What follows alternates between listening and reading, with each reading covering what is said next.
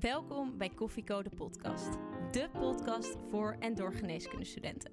Waarbij wij, gewapend met een kop koffie, voor jou op pad gaan om interviews af te nemen met de leukste, interessantste en meest inspirerende artsen van Nederland. Dit is Koffieko. Hey Ko, ja wat doe je daar? Er staat een carrière voor je klaar. Maar je weet nog niet wat en waar. Een cappuccino maakt het minder zwaar. Dus zet je volumeknop omhoog. Want je luistert Koffieko en je weet het zo. Papa, papa, para, para, para.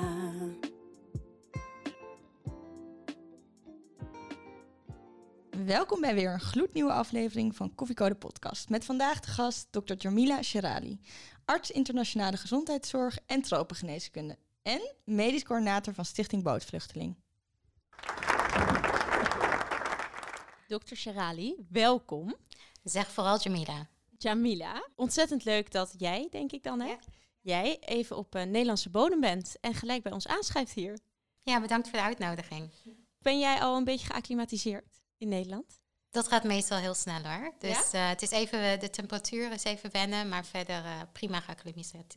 Ja, en je bent net teruggekeerd uit Lesbos, als ik dat goed zeg. Wat voor koffie drink je daar eigenlijk? Hele goede vraag. Um, ik ben over het algemeen best flexibel, maar als het om een koffie gaat, um, ben ik net wat kieskeuriger.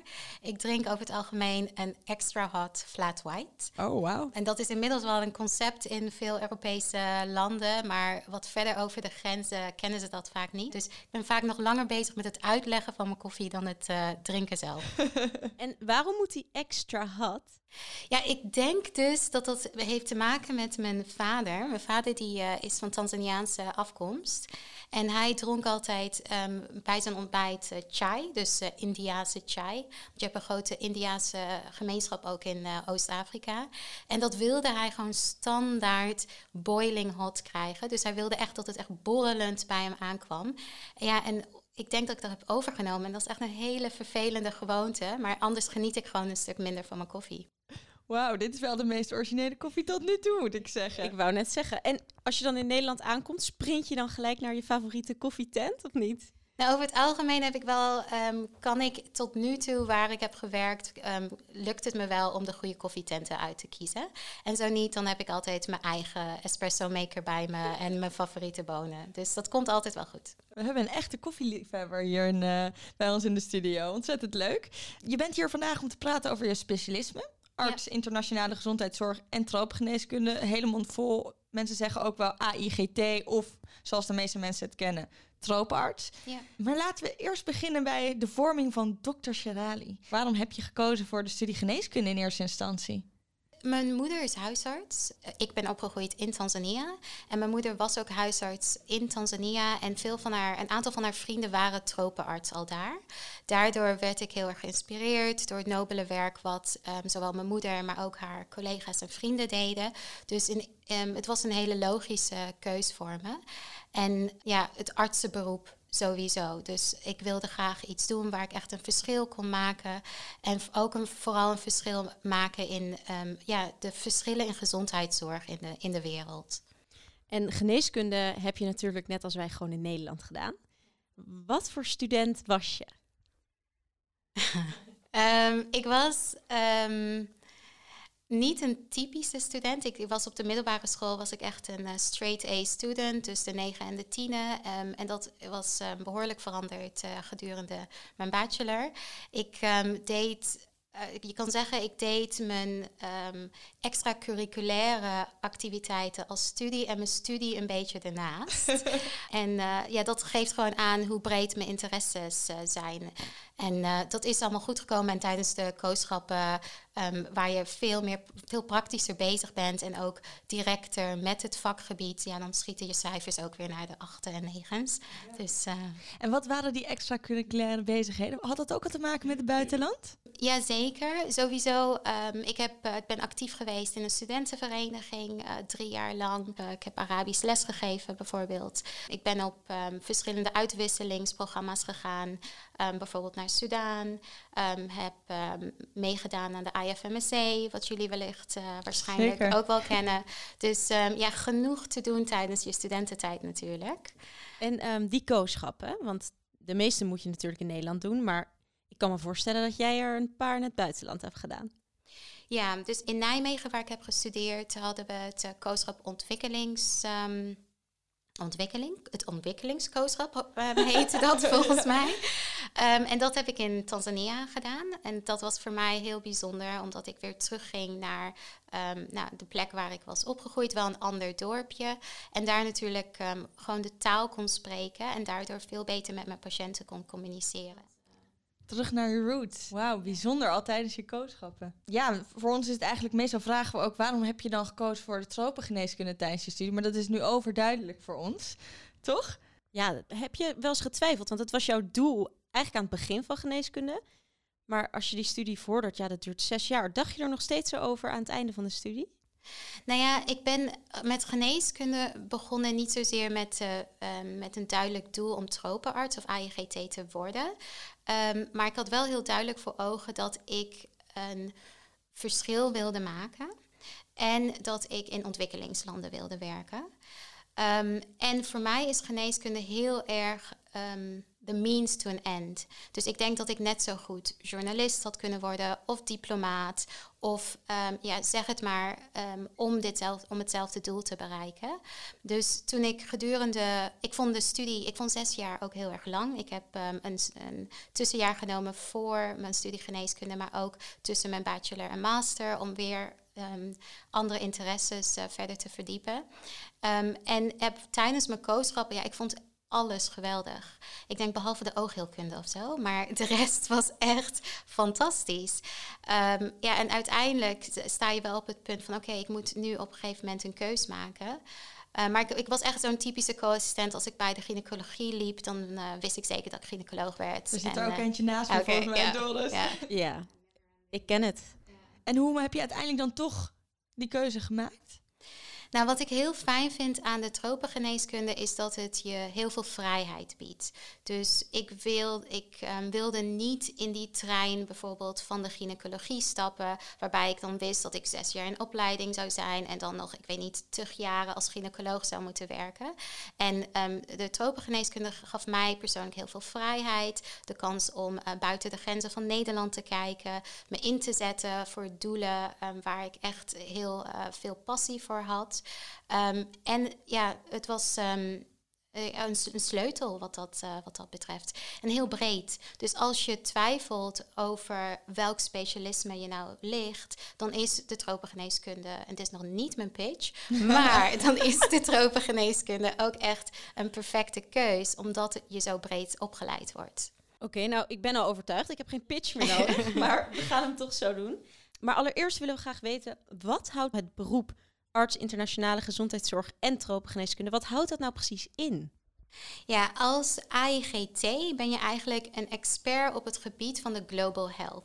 En de global health is dat gebied waar de preventieve en de curatieve zorg elkaar ontmoeten. Um, je werkveld is enorm divers, dus het varieert van bijvoorbeeld humanitaire uh, crisiszorg bij organisaties zoals Artsen zonder Grenzen, maar je kan ook net zo goed in een um, ziekenhuisje in het midden van Afrika gaan werken, waar je ook bijvoorbeeld de management van dit ziekenhuis doet. Dus het is een heel um, divers uh, werkgebied. Je hebt twee stromingen binnen de tropengeneeskunde. Je hebt het, het moeder-kind profiel profiel. Één jaar gynaecologie en één jaar kindergeneeskunde. En dan heb je het meer klassieke profiel, waarbij je één jaar um, chirurgie doet en dan één jaar gynaecologie. En gedurende die klinische jaren in Nederland zijn er meerdere um, studiedagen um, verspreid over het jaar, waarin je breder wordt opgeleid op het gebied van bijvoorbeeld urologie, revalidatiegeneeskunde, de oogheelkunde in de tropen, et cetera, et cetera. En vervolgens is er de Nederlandse tropencursus. Die wordt over het algemeen gevolgd op het KIT, dus het Koninklijke Instituut voor de Tropen in Amsterdam. En daarin word je ook gedurende drie maanden op het gebied van de public health, de infectieziekten, health systems, um, de, social determinants of health, et cetera, et cetera. En daarna, om het allemaal af te sluiten en alles in de praktijk te brengen, heb je nog een, um, een periode in het buitenland, je Global Health Residency, waar je zes maanden lang in een low resource setting eigenlijk al je skills um, verder uitwerkt. Oké, heel duidelijk. Dan is het nu wel tijd voor de pitch, denk ik. We weten nu wat het inhoudt. Het is heel breed. Maar waarom is het nou zo leuk? Wil je dat voor ons pitchen in de specialistenpitch? De specialistenpitch. 30 seconden waarin jij de geneeskundestudenten ervan overtuigt om voor jouw specialisme te kiezen. Beste student of co-assistent, wil jij een uitdagende en dynamische baan die nooit verveelt, waar je zowel preventief als curatief bezig bent? Durf jij buiten de grenzen van Nederland te kijken en hou je ervan om andere culturen te ontdekken? Dan is dit echt een beroep voor jou waarin je echt het verschil kan maken op het gebied van de globale gezondheidszorg. Wat een geweldige pitch. Hij was zelfs binnen de tijd. nou ja, dit zijn waarschijnlijk allemaal redenen geweest voor jou ook om ervoor te kiezen. En wij dachten dat het misschien wel leuk was om te beginnen met de opleiding. Je hebt al een heel stuk verteld over de opleiding net. Maar hoe was het voor jou? Hoe ben je die opleiding binnengekomen? Dat is nu net wat uh, momenteel wat anders dan het was in de tijd dat ik in opleiding kwam. Ik was net nog een um, assistent van het oude profiel, wat inhield dat ik zelf solliciteerde voor het opleidingsziekenhuis. Dus dan solliciteer je echt per um, instelling. Hoe het nu werkt, en ik denk dat dat het meest relevant is voor jullie, is dat je nationaal centraal solliciteert bij het OIGT, dus het opleidingsinstituut. En vervolgens word je um, geplaatst voor de verschillende klinische onderdelen in de instellingen in Nederland. En dat kan dus of de chirurgie en de gynaecologie zijn, of de gynaecologie en de kindergeneeskunde. Ja, en dat vind ik heel opvallend, want eigenlijk noem je dus twee keer gynaecologie. Ja. Waarom? Het heeft heel erg te maken met het soort werk wat er doorgaans in low resource settings wordt gedaan. Dus je wordt heel breed opgeleid, zodat je eigenlijk van alle markten thuis bent. Dus als er een patiënt binnenkomt met een acute buik en je moet een appendectomie doen, dan zou je dat um, kunnen doen. Maar als er een vrouw met baringsnood binnenkomt, dan zou je ook een sectio kunnen doen. En heb je in ieder geval ook die skills in de verloskunde. Wat je ook heel erg ziet, is dat veel plekken in de tropen um, veel moeder-kindzorg doen. En daarbij is die kindergeneeskunde natuurlijk van essentieel belang. Dat is voor mij ook de reden geweest dat ik na het klassieke profiel, dus na de chirurgie en de gynaecologie, nog zeven maanden extra bij de kindergeneeskunde heb gedaan. Oh, dus als ik het goed begrijp, heb je eigenlijk allebei de richtingen gedaan? In, niet in de zin van dat ik officieel een opleiding was toen bij de kindergeneeskunde werkte, maar ik wist voor mezelf van nou, de settings waar ik later in wil gaan werken, zou het verdomd handig zijn om wat kindergeneeskunde ervaring te hebben. Um, en daarom heb ik dat gedaan. En dat was ook zo, want mijn eerste baan was bij um, Artsen zonder Grenzen en ik kwam terecht in een kinderziekenhuis. dus uh, het was heel erg fijn dat ik uh, um, enige ervaring had met uh, kinderen. Een tijdje geleden speelde er volgens mij dat, dat de opleiding niet meer gefinancierd werd. Schandalen. Ja, hoe zit dat? Nou, inmiddels wordt die uh, wel gefinancierd. Dus dat is echt een mijlpaal voor ons geweest. Ik kan me herinneren toen ik nog um, was, dat um, ik ook binnen de um, assistentenvereniging, dat we ons echt hard hebben gemaakt voor de financiering van die opleiding. Toen de tijd was de mening van de minister dat wij niet van toegevoegde waarde zouden zijn voor de Nederlandse samenleving. Nou, COVID heeft al aangetoond dat wij zeker van uh, toegevoegde waarde zijn. En gelukkig is het uh, huidige beleid zo dat wij wel uh, um, structurele subsidie krijgen. Oh, gelukkig. Voor alle luisteraars. Maak je geen zorgen. moet, je, moet je als luisteraar wel zorgen maken om de populariteit van het vak? Is het moeilijk om binnen te komen? Het is niet makkelijk. Ik heb een tijd in de sollicitatiecommissie gezeten. Um, en dan kregen we twintig brieven bijvoorbeeld voor drie plekken. Dus um, het is mogelijk, maar... Zoals in elk specialisme. Precies, ja. ja. Oké. Okay. Ja. Je bent dus als eerst gaan werken als officieel dan tropenarts. Helemaal afgestudeerd bij Artsen zonder Grenzen. Waar was dat? Waar werd je geplaatst?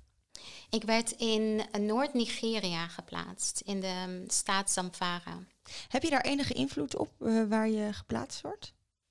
Um, het advies bij Artsen zonder Grenzen is dat je niet te kieskeurig bent, in ieder geval voor je eerste missie. Um, maar je kan natuurlijk wel, um, je accepteert een plaats, ja of nee. Ze wilden in eerste instantie, hadden Artsen zonder Grenzen voorgesteld om mij naar Syrië te sturen. En toen dacht ik van nou, voor een eerste missie lijkt mij dat niet zo verstandig. Ehm, dus die heb ik, uh, daar ben ik uiteindelijk niet naartoe gegaan. Toen werd het dus Noord-Nigeria. Ik ben wel benieuwd, dan ben je net klaar. Kun je ons eens meenemen in een herinnering van als beginnende tropenarts dat je daar, dat je daar stond met je dokterstas? Ja, hele goede vraag. Want ik zie ook, um, ik ben inmiddels bijna vier jaar AIGT. En ik zie, een hele, ik zie ook een mooie ontwikkeling in mezelf. Dus waar ik bijvoorbeeld in Nigeria heel druk bezig was met mijn eigen functioneren. En hoe ik als arts was en wat mijn diagnose en hoe ik de patiënt, um, of ik het nou wel of niet goed had gedaan. Um, zie ik dat ik nu veel overstijgender naar mijn werk kan kijken. En dat is, dat is prachtig. En ik denk ook dat daar de kracht van de AIGT um, is. Um, toen ik in Nigeria aankwam, um, was ik voor de helft uh, klinisch bezig in dat kinderziekenhuis. En voor de helft van de tijd was ik manager. Dus je bent als AIGT ook heel veel met de organisatie van de zorg bezig, met management van, van mensen, met het opleiden van je lokale collega's. Dus ik kwam aan en ik, uh, er werd van mij verwacht dat ik leiding zou geven over een groep van acht Nigeriaanse mannelijke artsen wow. die daar al uh, jaren ervaring hadden. Dus uiteraard, dat was een, uh, een uitdaging. Ja, hoe ging je dat af? Dat ging, eh, dat ging prima. Ik denk dat het allerbelangrijkste is om met respect en met vooral um, uh, ja, met veel uh, curiosity naar, naar, mensen, naar mensen te kijken en, en culturen. Um, dus dat ging, uh, ik heb hele fijne collega's gehad en een mooie tijd daar. En hoe lang zit je daar dan? Je eerste missie? Over het algemeen zijn je eerste missies tussen de zes en negen maanden. Wauw. En hoe is je dat bevallen? Zes, zes tot negen maanden lang weg van huis. Eerste missie in een vreemd land met een hele bijzondere taak. Meteen leiding geven aan mensen waar een cultuur die je misschien niet, nog niet kende. Ja, dat moet, um, dat moet bij je liggen. Dus um, ik, um, ik vond het geweldig. Ik vond het heerlijk om, om ja, om die, die cultuur te leren kennen, om echt je eigen ontwikkeling um, te Je ziet jezelf gewoon groeien op zowel klinisch vlak, maar ook op, op, op andere vlakken. Het was voor mij heel boeiend om ook een keer een kijkje in de keuken te nemen van een grote organisatie zoals Artsen zonder Grenzen. Um, dus um, ja, ik vond het uh, een hele bijzondere ervaring. Kun je je nog een casus herinneren daar als beginnende dokter waarvan je dacht waarvan je nu nog denkt van wauw dat ik dat heb meegemaakt toen? Ja, ik wist dus dat jullie mij uh, een soortgelijke vraag zouden gaan uh, stellen. En ik heb heel hard nagedacht, want ik denk van als uh, tropenarts, dus IGT, je hebt heel veel. Um, er zijn natuurlijk enorm veel heroïsche casussen um, die men van je verwacht en die ook echt daadwerkelijk um, plaatsvinden. Nou, de slangenbeten in Mali, de steekpartijen op Lesbos. Weet je, heel veel van mijn collega's doen bijzondere operaties met weinig middelen.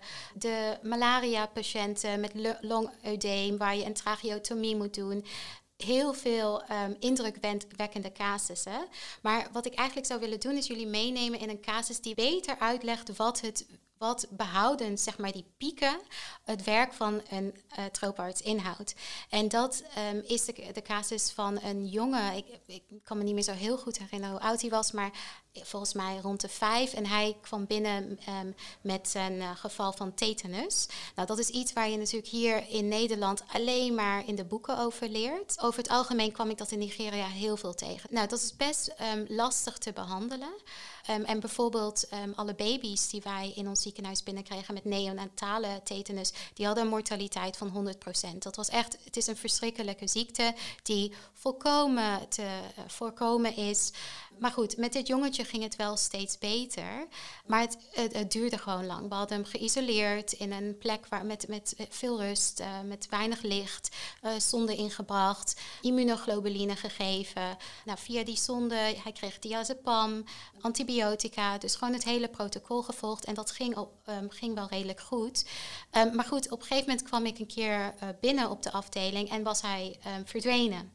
Of nou, hij was niet verdwenen, maar in ieder geval zijn moeder had hem um, teruggenomen naar huis. dat is denk ik een typische casus wat wij ook als um, AIGT'ers gewoon vaak meemaken.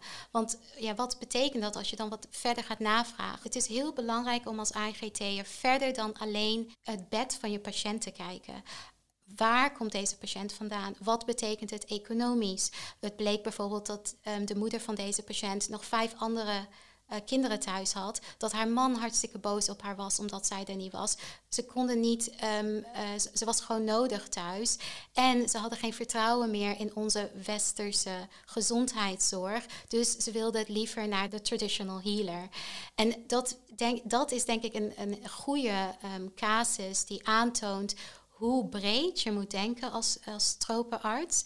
En um, ja, wat, uh, wat voor werkzaamheden je, je dan ook hebt. Dus we hebben um, um, naar aanleiding hiervan ga je natuurlijk ook nadenken van oké, ja, maar wat doen we hier? Curatief zijn wij een patiënt voor, uh, tegen tetanus aan het behandelen, maar hoezo heeft hij überhaupt tetanus? wat gebeurt er met het vaccinatieprogramma in dit land? Waarom krijgen wij baby's binnen die overlijden vanwege de tetanus?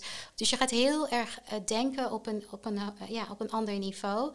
En bijvoorbeeld, dit soort ervaringen neem je ook mee. Toen ik bijvoorbeeld in Mali werkte, heb ik heel ja, expres contact opgenomen met de traditional healers in die regio om met hun in gesprek te gaan. Omdat ik wist dat dat het eerste contact was voor patiënten. Um, en hoe wij samen konden werken om toch um, veranderingen in die. Uh, ja, in die regio te bewerkstelligen. Wauw, heel bijzonder. En ik vind heel mooi, een heel mooi voorbeeld van samenwerking in, in zo'n land. Met de traditionele nou, resources of mensen die ze daar hebben. Uh, en jullie hebben hen wat geleerd, maar wat heb je eigenlijk van, van hun teruggeleerd? Ja, ik ben heel blij dat je die vraag stelt. Tot en met gisteren, volgens mij, was ik ook onderdeel van het OIGD, dus het uh, opleidingsinstituut, waarin ik de AIOS uh, in de laatste fase van hun opleiding begeleide en hun um, periodes in het buitenland ook organiseerde. En ik denk dat dat essentieel is. Inmiddels is er zodanig een transitie plaatsgevonden in de global health, waarin het niet meer een eenzijdig iets is. Dat het, het noordelijke witte westen even naar Afrika gaat en het zuiden om hen te leren hoe het allemaal moet. Maar dat het veel meer gaat om een uitwisseling van kennis en het delen van, van kennis. En dat is ook prachtig hoe dat nu gebeurt in, het, uh, in de laatste zes maanden van onze opleiding. Dus onze AIOS'en die gaan naar deze settings. Maar die gaan daar echt om wat te leren van hun lokale supervisoren. En ik denk dat dat prachtig is. En zeker, ik heb ook in mijn tijd in, alle landen waar ik heb, heb uh, kunnen werken en mogen werken, zeker weten meer geleerd van mijn collega's dan uh, zij van mij. En eigenlijk noem je al, nu alle positieve dingen, dingen die zijn gelukt. Het samenwerken, nieuwe behandelingen implementeren. Maar ik kan me ook voorstellen dat heel veel niet lukt, want je hebt heel, heel weinig uh, resources om dingen voor elkaar te krijgen. Hoe ga je om met die frustratie? Zeker. Ik, ik denk ook dat je als. Uh, er zijn veel uitdagingen.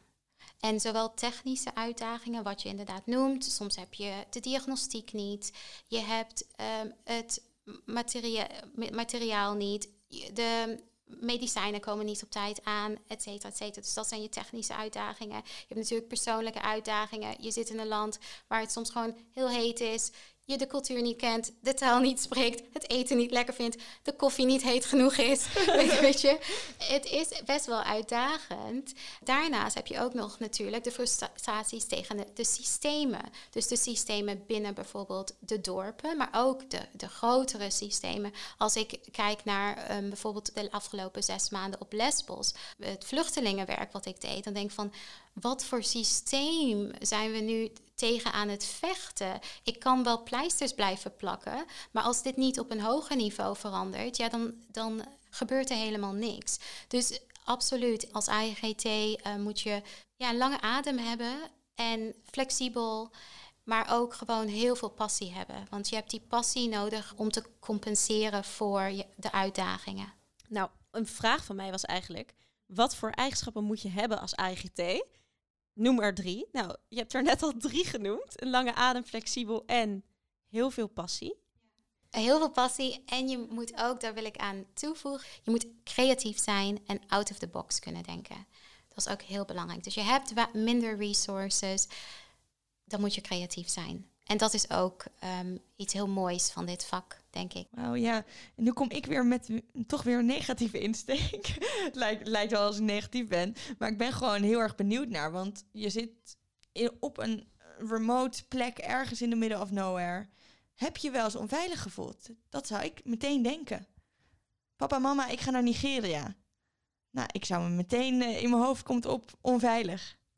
Ja, dat kan me voorstellen. En tuurlijk, mijn moeder die had op een gegeven moment... Mijn, mijn broertje die werkte voor buitenlandse zaken. En mijn broertje die ehm, was in Palestina en ik zat in Mali. En mijn andere zus zat in Maleisië en mijn andere broer in Tanzania. En ze dacht, wat gebeurt er met mijn kinderen? Daarbij, ik heb me nog nooit onveilig gevoeld. Ik denk dat dat heel erg te maken heeft met ehm, de organisaties waarvoor ik heb gewerkt. Waarbij ze ja, een systeem hebben die veel belang aan die veiligheid hecht. Ehm, dus bijvoorbeeld om het wat beeldender voor jullie te maken. Toen ik in eh, Nigeria werkte, was het belangrijk. We woonden volgens mij zo'n 15 minuten lopen van het ziekenhuis. Nou, zelfs dat stu- stukje mocht, mocht ik niet lopen. En dat moest echt met de auto gebeuren. En dan moest je inchecken met de walkie-talkie als je het huis verliet. En inchecken als je in het ziekenhuis was. En toen ik in Mali werkte en ik had bijvoorbeeld vergaderingen met de universiteit of met andere NGO's in de hoofdstad, moest ik met een, eh, een tracker rondlopen. En ik, ik heb zelfs nog een interessante ervaring gehad dat ik een eh, persoonlijke bodyguard had. Wat, eh, dus het waren organisaties die mijn veiligheid heel hoog hadden staan. En dat gaf mij dan weer het, ik ben geen veiligheidsexpert, maar dan heb ik het vertrouwen dat um, degenen die daarover gaan, hun, they know their stuff. Ik vind het zo interessant dat als je die opleiding hebt gedaan tot tropenarts of AIGT, um, dan is eigenlijk de hele wereld, daar kan je solliciteren. Op de hele wereld. Hoe ga je dan kiezen? Een keus maken, zeker. En wij zijn nogal slecht in keuzes, dus ja, vandaar nee, ik ken het, ik ken het. Ik denk dat je voor jezelf dan heel erg moet gaan nadenken van... wil ik crisiszorg gaan doen, dus humanitair in onveilige gebieden bijvoorbeeld. Nou, dan heb je de organisaties zoals Artsen zonder Grenzen. Wil ik een lokaal contract aangaan, in een ruraal ziekenhuis werken, dan doe je dat. Bijvoorbeeld het werk wat ik de afgelopen zes maanden met Stichting Bootvluchtelingen heb gedaan, is ook heel erg de tropengeneeskunde, maar zou men niet zo snel bedenken als het werkveld van de tropenarts, omdat het ook nog in Europa is. Dus het is heel erg, um, nou ja, veel factoren. Ben je alleen? Um, heb je kinderen? Welke taal spreek je? In uh, Mali ja. bijvoorbeeld spreken ze Frans. Dus er zijn gewoon veel factoren. Want is dat een pre? Moet je bepaalde talen kunnen spreken als je tropengeneeskunde in wilt gaan? Niet per se. Ik denk dat je over het algemeen uh, zou het fijn zijn om een gevoel voor talen te hebben. Dus het wordt natuurlijk heel erg gewaardeerd ook door je patiënten en je collega's als je de lokale taal spreekt. Ik heb heel veel bewondering bijvoorbeeld voor mijn vriendinnen en collega's in uh, Tanzania die inmiddels net zo goed als ik Swahili spreken. Dat is echt heel mooi om, om te zien. En er zijn bepaalde landen waarin het handig is bijvoorbeeld om Spaans te spreken of Frans te spreken, omdat dat uh, Frans of Spaanstalige landen zijn. Welke talen spreek jij allemaal? Nou, ik ben opgegroeid met, met Nederlands, Engels en Swahili. Ik heb voor mijn geneeskunde en tussen mijn bachelor en master ben ik, heb ik een tijd in Jordanië gewoond en heb ik daar Arabisch geleerd. Toen was mijn Arabisch op een gegeven moment best wel goed. En toen ben ik in Mali gaan werken, waar ze Frans spreken. En toen heeft Frans een beetje de plaats van Arabisch ingenomen. Dus nu is mijn Arabisch echt heel erg verwaterd. Indrukwekkend wel hoor, zoveel verschillende moeilijke talen. Is het een, misschien een vooroordeel in mijn hoofd, maar ik heb altijd toch het idee dat de tropenartsen gefocust zijn op Afrika. Ja, dat is een vooroordeel. Oké. Maar misschien klopt het ook wel een beetje. er zijn meerdere van mijn collega's die in Latijns-Amerika werken. Het, gaat echt om low resource settings. Dus als je bijvoorbeeld in het Tijgerberg uh, ziekenhuis in Kaapstad gaat werken, dat is ook Afrika. Maar die, bedoel, het niveau van de geneeskunde daar is net zo hoog als hier in Nederland. Ja, ook veel in uh, bijvoorbeeld in India, in Papua Nieuw-Guinea, Afghanistan. Dus het is niet alleen Afrika, maar inderdaad dat beeld van de klassieke tropenarts die in Afrika werkt, dat hebben wij ook hoor. Ja. Oké, even iets heel anders. Wij waren natuurlijk uitgebreid onderzoek aan het doen naar dit prachtige specialisme.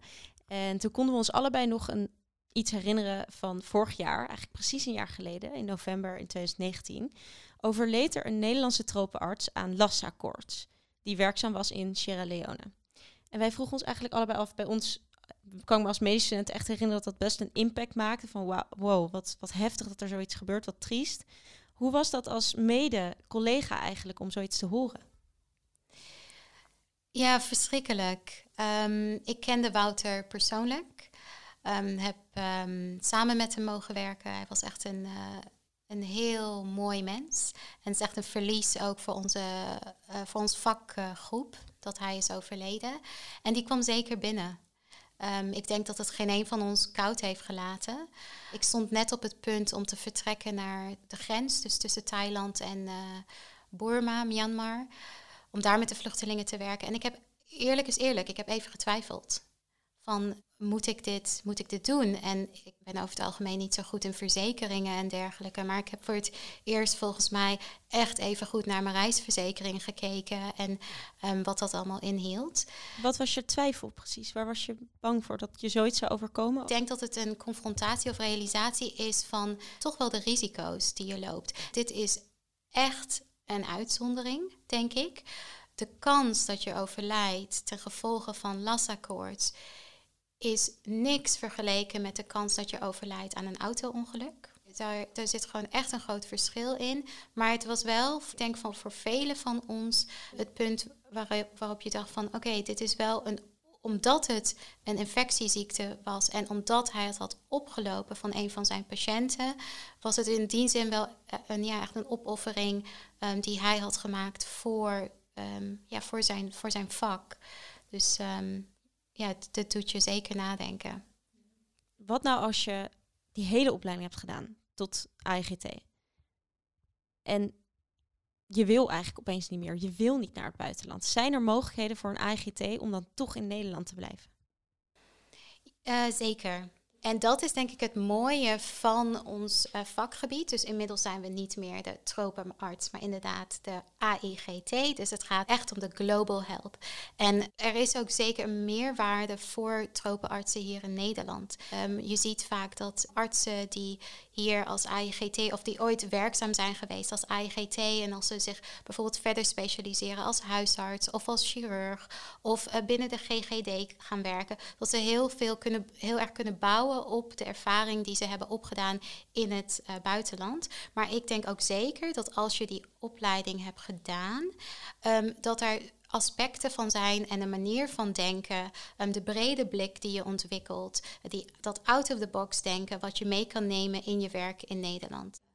Dus dat betekent eigenlijk ook dat je je hele leven de tropengeneeskunde kan blijven beoefenen. Dat je niet, zoals wat je zegt, ook nog daarna een ander specialisme moet kiezen. Je kan ook hier in Nederland nog blijven. Um, Technisch misschien niet, maar ik vind IGT blijf je voor altijd. Het is altijd in je hart. Maar over het algemeen is het zo dat tegenwoordig, vroeger was dat heel anders. Dan gingen tropenartsen zo'n tien jaar naar dat, inderdaad, dat klassieke ziekenhuisje in Afrika kwamen terug na tien jaar. Tegenwoordig is het zo dat tropenartsen veel korter gaan. Dus gemiddeld zo'n twee, drie jaar. En dan komen ze terug en dan wordt ongeveer 30% wordt gynaecoloog, 30% chirurg, 30% huisarts en een paar procent over volgens mij. En die, die gaan dan richting de publieke gezondheidszorg bijvoorbeeld. Dus het is vaak wel zo dat ze zich dan verder specialiseren of herspecialiseren als ze terugkomen naar Nederland.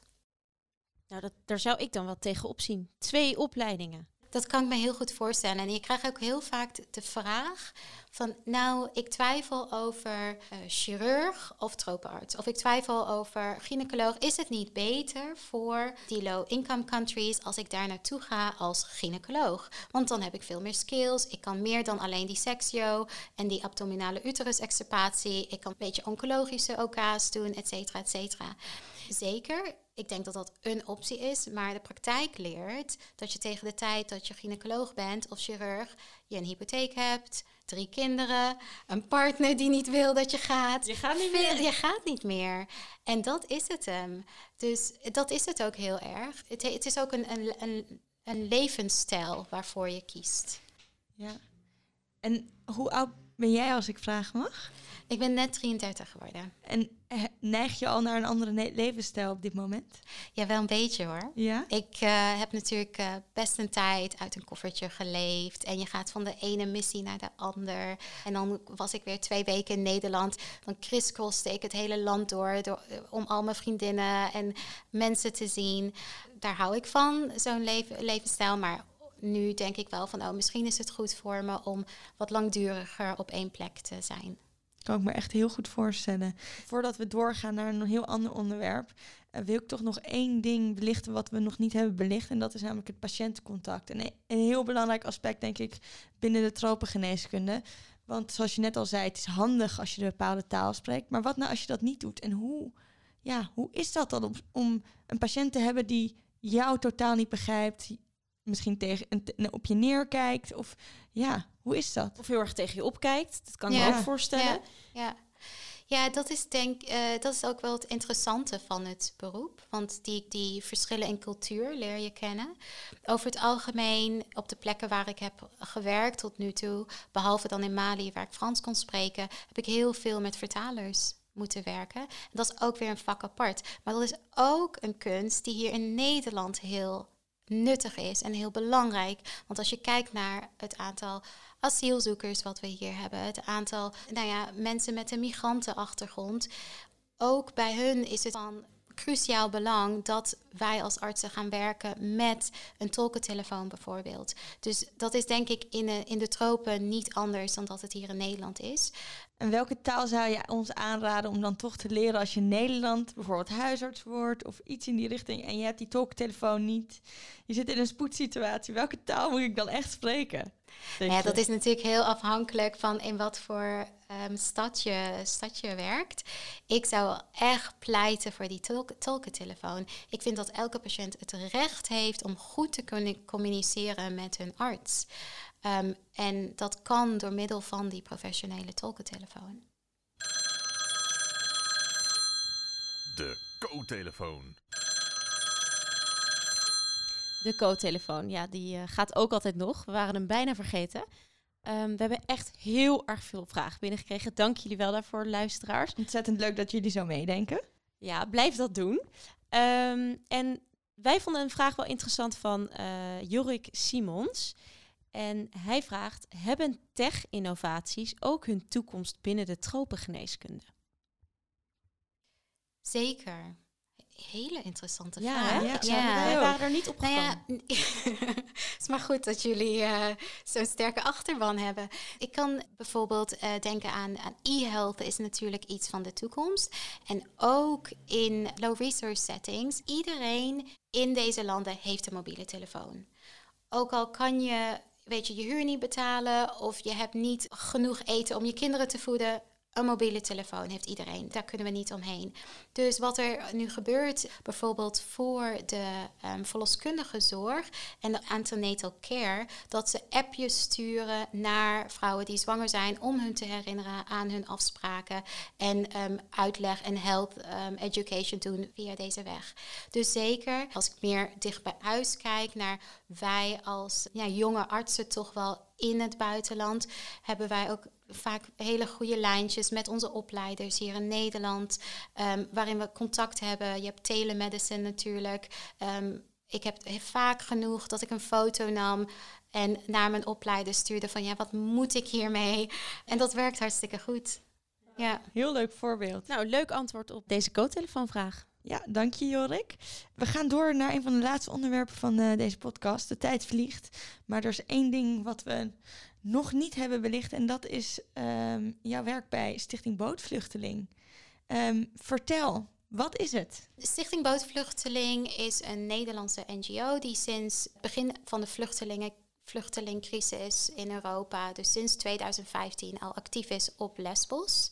En daar bieden wij zowel medische noodhulp als uh, psychosociale hulp. En ik ben daar als medisch coördinator naartoe gegaan. Dus wij hadden in eerste instantie, dit was allemaal voor de infameuze brand, waar jullie misschien wel over weten, hadden wij een kliniek in het kamp waar wij emergency diensten deden in de avonduren. Nou ja, daar zag je echt van alles binnenkomen. Ja, van paniekaanvallen tot uh, snotneuzen bij kinderen en grote steekpartijen. Nou, noem het maar op. En even terug, want je zei, je bent medisch coördinator. Wat houdt dat in? Um, het houdt in dat je, je hebt een team onder je dat verschilde. En in mijn periode was niet uh, wat dat betreft uh, standaard, omdat ik begon met de lockdown en nou ja, met COVID ertussendoor. En nou er is van alles en nog wat gebeurd in die zes maanden. Maar in principe over het algemeen hebben wij een team van ongeveer 15 medici onder ons die we inzetten in de kliniek om die medische noodhulp te bieden. En je werkzaamheden, ja, waar moet ik beginnen? Noem eens iets van de afgelopen zes maanden. Ik, gewoon iets bizars. Wij willen toch, ja, die, toch die heroïsche verhalen willen we ook horen. Nou ja, als medische coördinator, je bent, ik heb heel veel klinisch mogen werken. Ten eerste door een tekort aan artsen. We zaten met uh, de grenzen die dicht zaten. Dus ik, ik begon met een team van één arts één verpleegkundige, een mede-coördinator en iemand, een mediavrijwilliger.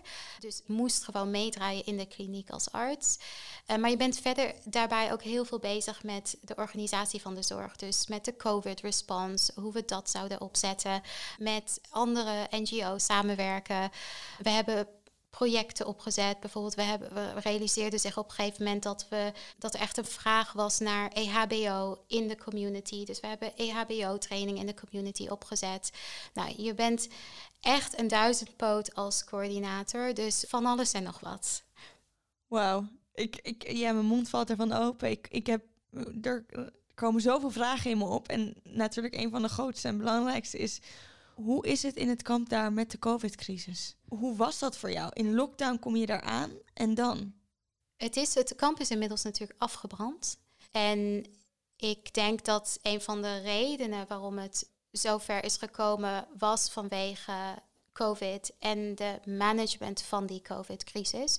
We hebben al vanaf het begin van de lockdown, nou ja, eigenlijk aan de politiek willen uitleggen hoe uh, bizar het was om toenertijd 22.000 mensen in een kamp te proppen, wat bedoeld is voor 3000 mensen. En dat dat gewoon echt niet kan en echt niet kan dat zoiets gebeurt op Europees grondgebied. Dus heel erg geprobeerd nou ja, voor evacuatie van dit, van dit kamp.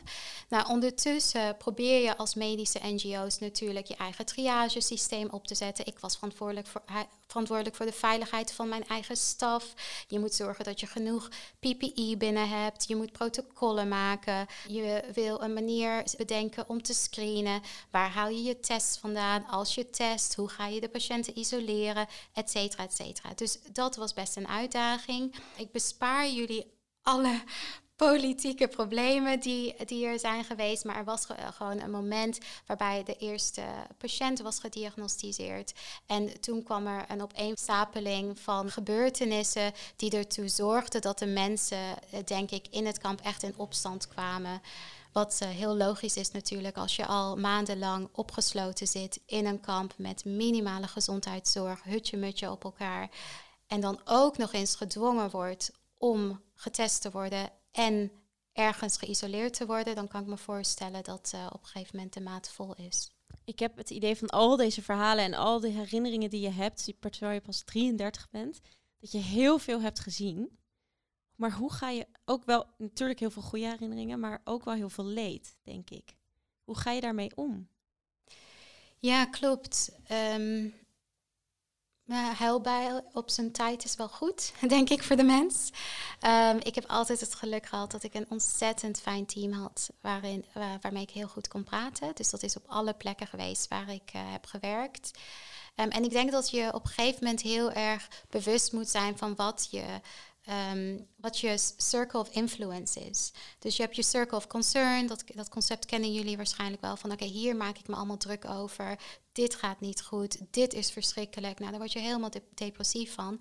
Maar uh, ik denk de kunst is om continu te blijven kijken van oké, waar heb ik als Jamila invloed op? Wat kan ik doen om deze situatie beter te maken? En als je dat heel sterk voor ogen hebt, dan ehm, kan je weer ademen. En dan krijg je perspectief. En dan, gaat dat, dan, ja, dan kan je dat veranderen naar actie. En ik denk dat dat belangrijk is. Klinkt eigenlijk wel heel makkelijk zo, maar ik kan me voorstellen dat het uh, in de praktijk helemaal niet zo is. Het is een uitdaging, maar ik uh, je houdt kom van maar op met die uitdaging. ja. Ja. We gaan uh, door naar het doktersdilemma. En in het doktersdilemma krijg je twee korte vragen waarop je ja, zo snel mogelijk mag antwoorden. Het doktersdilemma. Het leven bestaat soms uit lastige keuzes. Denk niet te lang na en geef snel antwoord. Warm of koud? Warm. Gynaecologie of huisartsgeneeskunde? Huisartsgeneeskunde, oei, lastig. Falafel of Griekse salade? Falafel. Voor altijd werkzaam in Nederland of voor altijd in het buitenland? Voor altijd in het buitenland. Kat uit de boom of direct van start? Direct van start. Zwemmen in de zee of wandelen in het bos? Wandelen in het bos. Nederland is overrated of underrated? Underrated. Internistisch redeneren of praktisch handelen? Praktisch handelen. Een goede film of naar een muziekconcert? Een goede film. Kooschap in een ontwikkelingsland of kooschap in een hypermodern westers ziekenhuis? In een ontwikkelingsland uiteraard. Ja. ik had nog één vraagje, want dat vind ik toch wel heel interessant van zo'n wereldwijs persoon. Nederland is underrated. Wil je dat eens toelichten? Ik denk heel erg um, uh, vanaf het perspectief van wie. Dus als ik kijk naar bijvoorbeeld iedereen die ik in de ontwikkelingslanden tegenkom, de vluchtelingen, ja, daar is Europa het grote paradijs en Walhalla waar iedereen naartoe wil. En dan zeg ik, jongens, dit, het is niet het paradijs, het is overrated, zeker. Maar ik denk voor ons als Nederlanders absoluut underrated. Als ik ook kijk naar wat voor mooie natuur we hebben en waar we allemaal dankbaar voor kunnen zijn en hoe goed geregeld het wel niet is in ons landje. Het is gewoon geweldig. Dat is het. Daar moeten we allemaal meer van genieten. Daar ben ik van overtuigd. Het is helaas tijd om het interview te gaan afronden. We zijn al uh, iets te lang bezig.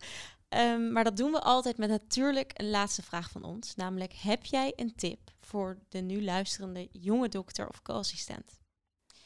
Ja, ik zou willen zeggen van durf. Durf uit je comfortzone te treden. Ik denk dat dat heel erg belangrijk is en dat dat op elk tijdstip eigenlijk van je studie kan plaatsvinden. Dus of je nu in je eerste jaar zit, tweede jaar, wat ik heel erg zag bijvoorbeeld ook in Nijmegen, is dat de geneeskundefaculteit een soort eilandje is waar maar weinig mensen die buiten die faculteitsmuren keken.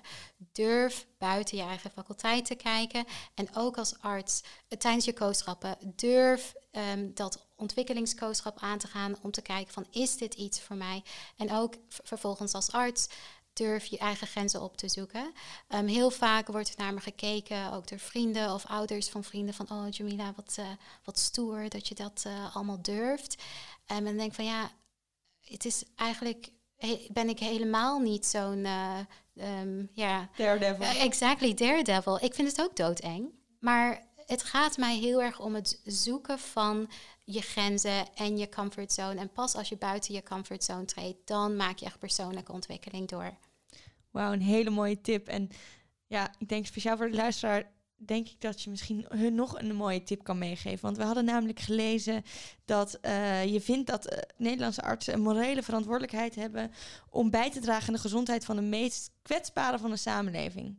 En toen dacht ik, maar wat nou als ik niet AIGT wil worden? kan ik dan ook bijdragen aan, aan de kwetsbaren van deze samenleving? Heb je een tip hoe we dat zouden kunnen doen? Ja, zeker. Ik denk dat het op verschillende niveaus kan. Dus je kan dat, we zijn arts, maar we zijn daarnaast ook burger. Dus we kunnen ons politiek inzetten, we kunnen petities tekenen, we kunnen gaan demonstreren, we kunnen de, um, onze collega's wakker schudden over wat er bijvoorbeeld allemaal gaande is in de wereld. Er zijn zoveel gezondheidsverschillen en gezondheid is een recht. Um, en daar, wil ik, daar strijd ik echt voor. Dus um, buiten zeg maar, je vak als arts zijn er zeker mogelijkheden waarop je dat kan doen. Maar ook als arts. Dus stel je bent huisarts of je bent um, gynaecoloog. Er zullen altijd patiënten op je spreekuur komen die kwetsbaarder zijn. Zoals die asielzoeker, zoals uh, die ongedocumenteerde migrant, zoals bijvoorbeeld de mensen die op de straat leven. En daar kunnen we ons op ja, voor inzetten. Dus zeker, er zijn veel mogelijkheden. Een hele mooie afsluiting. Uh, heel erg bedankt dat je er was vandaag, Jamila. Ontzettend bijzonder dat je al je ervaringen met ons wilde delen. Ik denk dat we nog drie uur hadden kunnen doorvragen aan jou.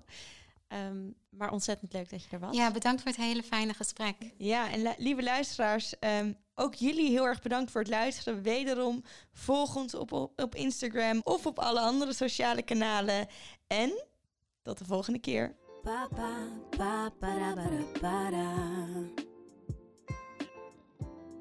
Koffiecode Podcast heeft een nieuwe serie. Arts of toch niet? In deze serie spreken wij dokters die met hun geneeskundediploma op zak toch wat anders zijn gaan doen. Ben jij benieuwd? Zoek dan naar Arts of toch niet in jouw favoriete podcast-app en vergeet niet te abonneren.